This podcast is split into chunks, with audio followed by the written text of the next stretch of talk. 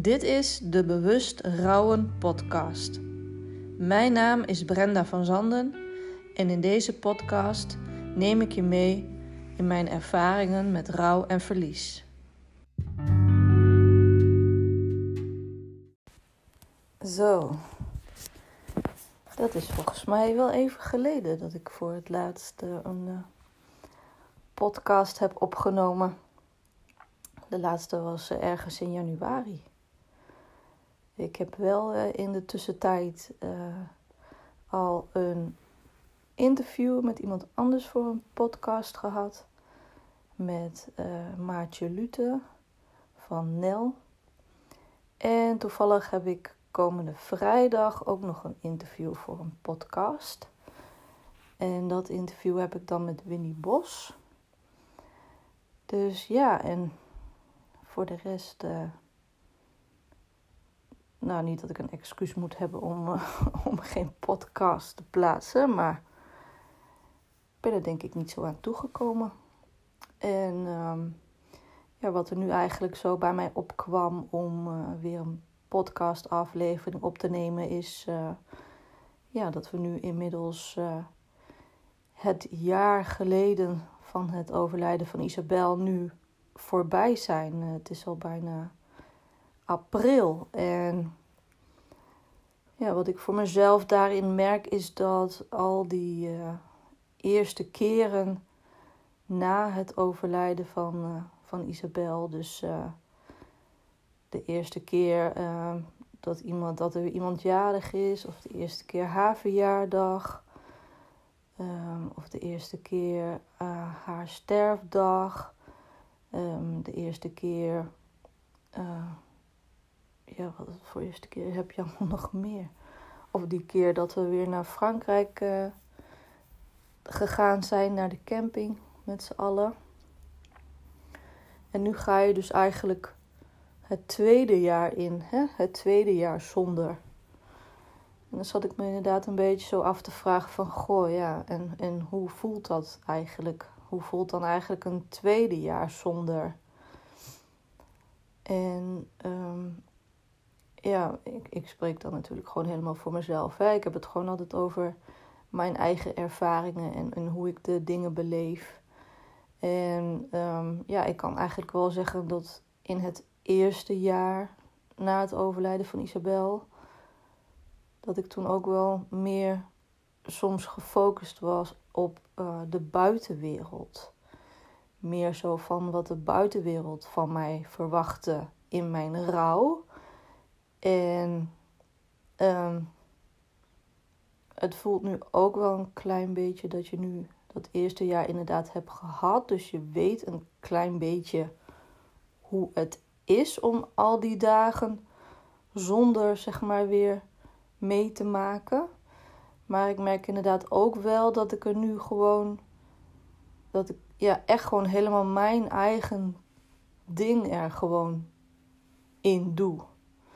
En misschien ja snap je dan niet helemaal uh, wat ik daar dan precies mee bedoel, maar ik denk um, ja, ik kan denk ik wel een voorbeeld noemen dat je oh, nu, nu, ja, nu net dat Noralie was net jaar geweest, haar zusje. En ik weet nog wel dat uh, en Johan is zelfs ook nog jaar geweest in januari. Uh, maar voor mijn gevoel had ik daar die, uh, de, de eerste keer, zeg maar, veel meer zwaarte aan hangen. En, en misschien is dat ook wel gewoon omdat het toen nog zo ontzettend vers was natuurlijk. Ik bedoel, Johan was uh, uh, eind januari jarig. Dat was, dat was nog echt maar een maand natuurlijk toen na haar overlijden. En nu was het dan een tweede keer. En merkte je ja, toch wel dat het, dat het wat, ja, wat, wat zachter was. En met Norlie haar verjaardag ook. Ehm, ja, dat je haar toch. Uh, uiteraard mis je haar echt wel. Maar ik heb gewoon. Ja, daarin ook gewoon echt. Ben daarin veel meer bij mezelf gebleven, denk ik. Veel minder gericht op de buitenwereld. En ik kan me ook nog wel herinneren. Isabel, haar geboortedag is natuurlijk op 28 mei en morgen is het april. Dus ja, dat komt er dan ook weer aan. En uh, volgens mij was ik daar vorig jaar ook veel meer mee bezig. Met, oh, daar, daar ging ik dan ook al heel ver van tevoren al allerlei zwaard aan en allerlei verhalen aan. Maar ook meer vanuit uh, de buitenwereld gezien. Hè? Dat ik daar dan heel erg mee bezig was. Oh, stel je voor. Um, gaat er nog wel iemand aan haar denken? En, en dat soort dingetjes.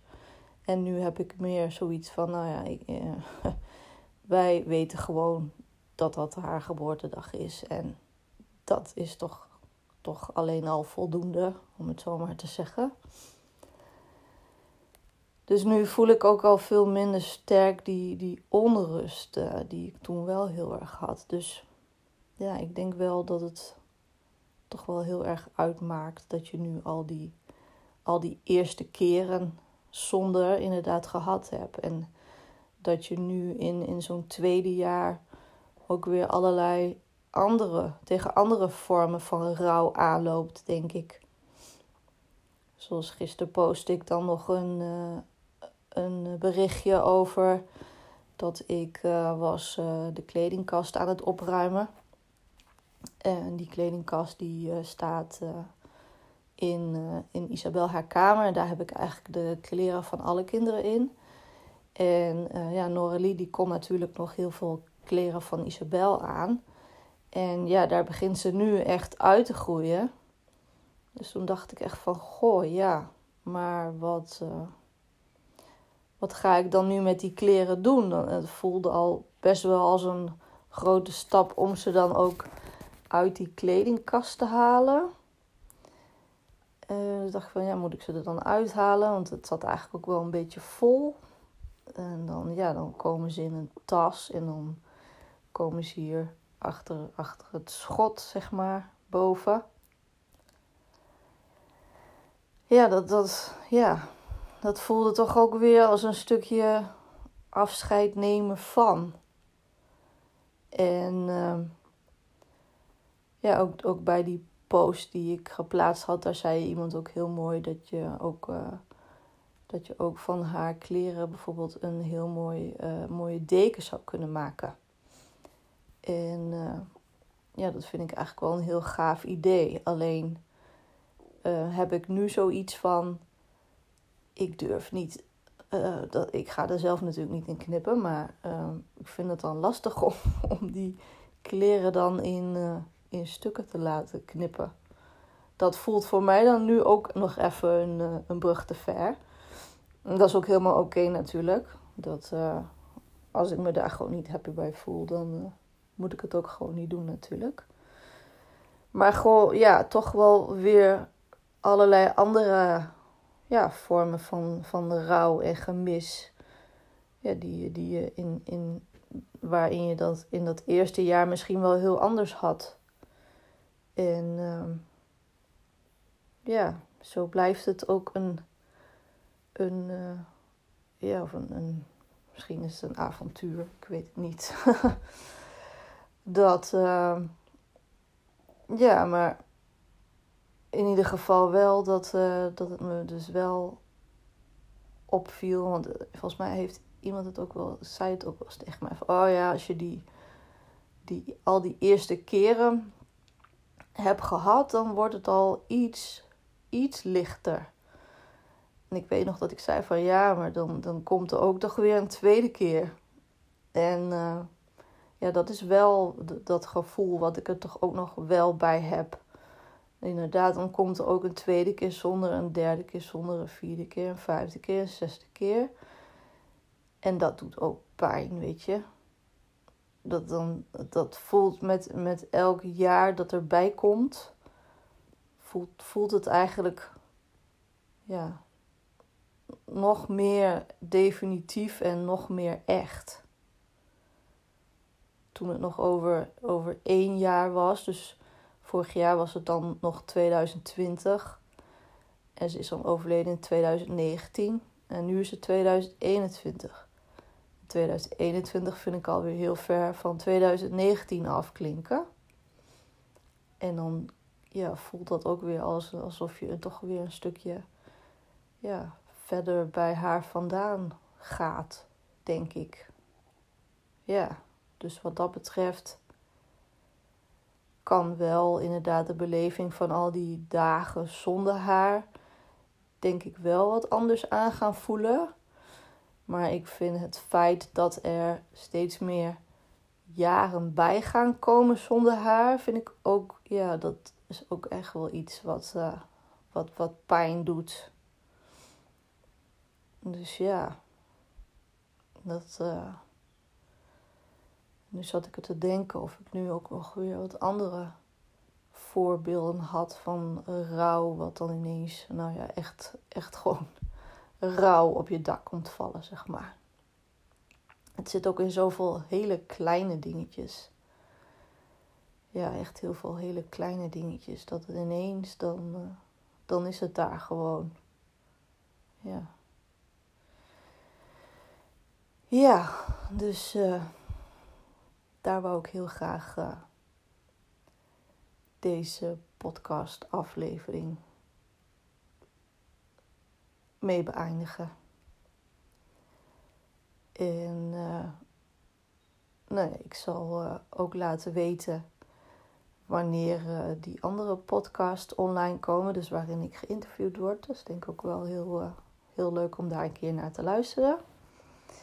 En dan zeg ik nu weer dankjewel voor het luisteren. En ik hoop tot snel weer een volgende aflevering. Dankjewel. Doei doei.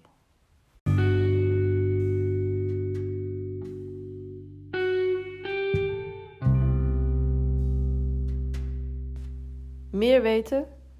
Kijk op www.boostyourlight.nl of volg me op Instagram Brenda Boost Your Light of Facebook Boost Your Light Brenda.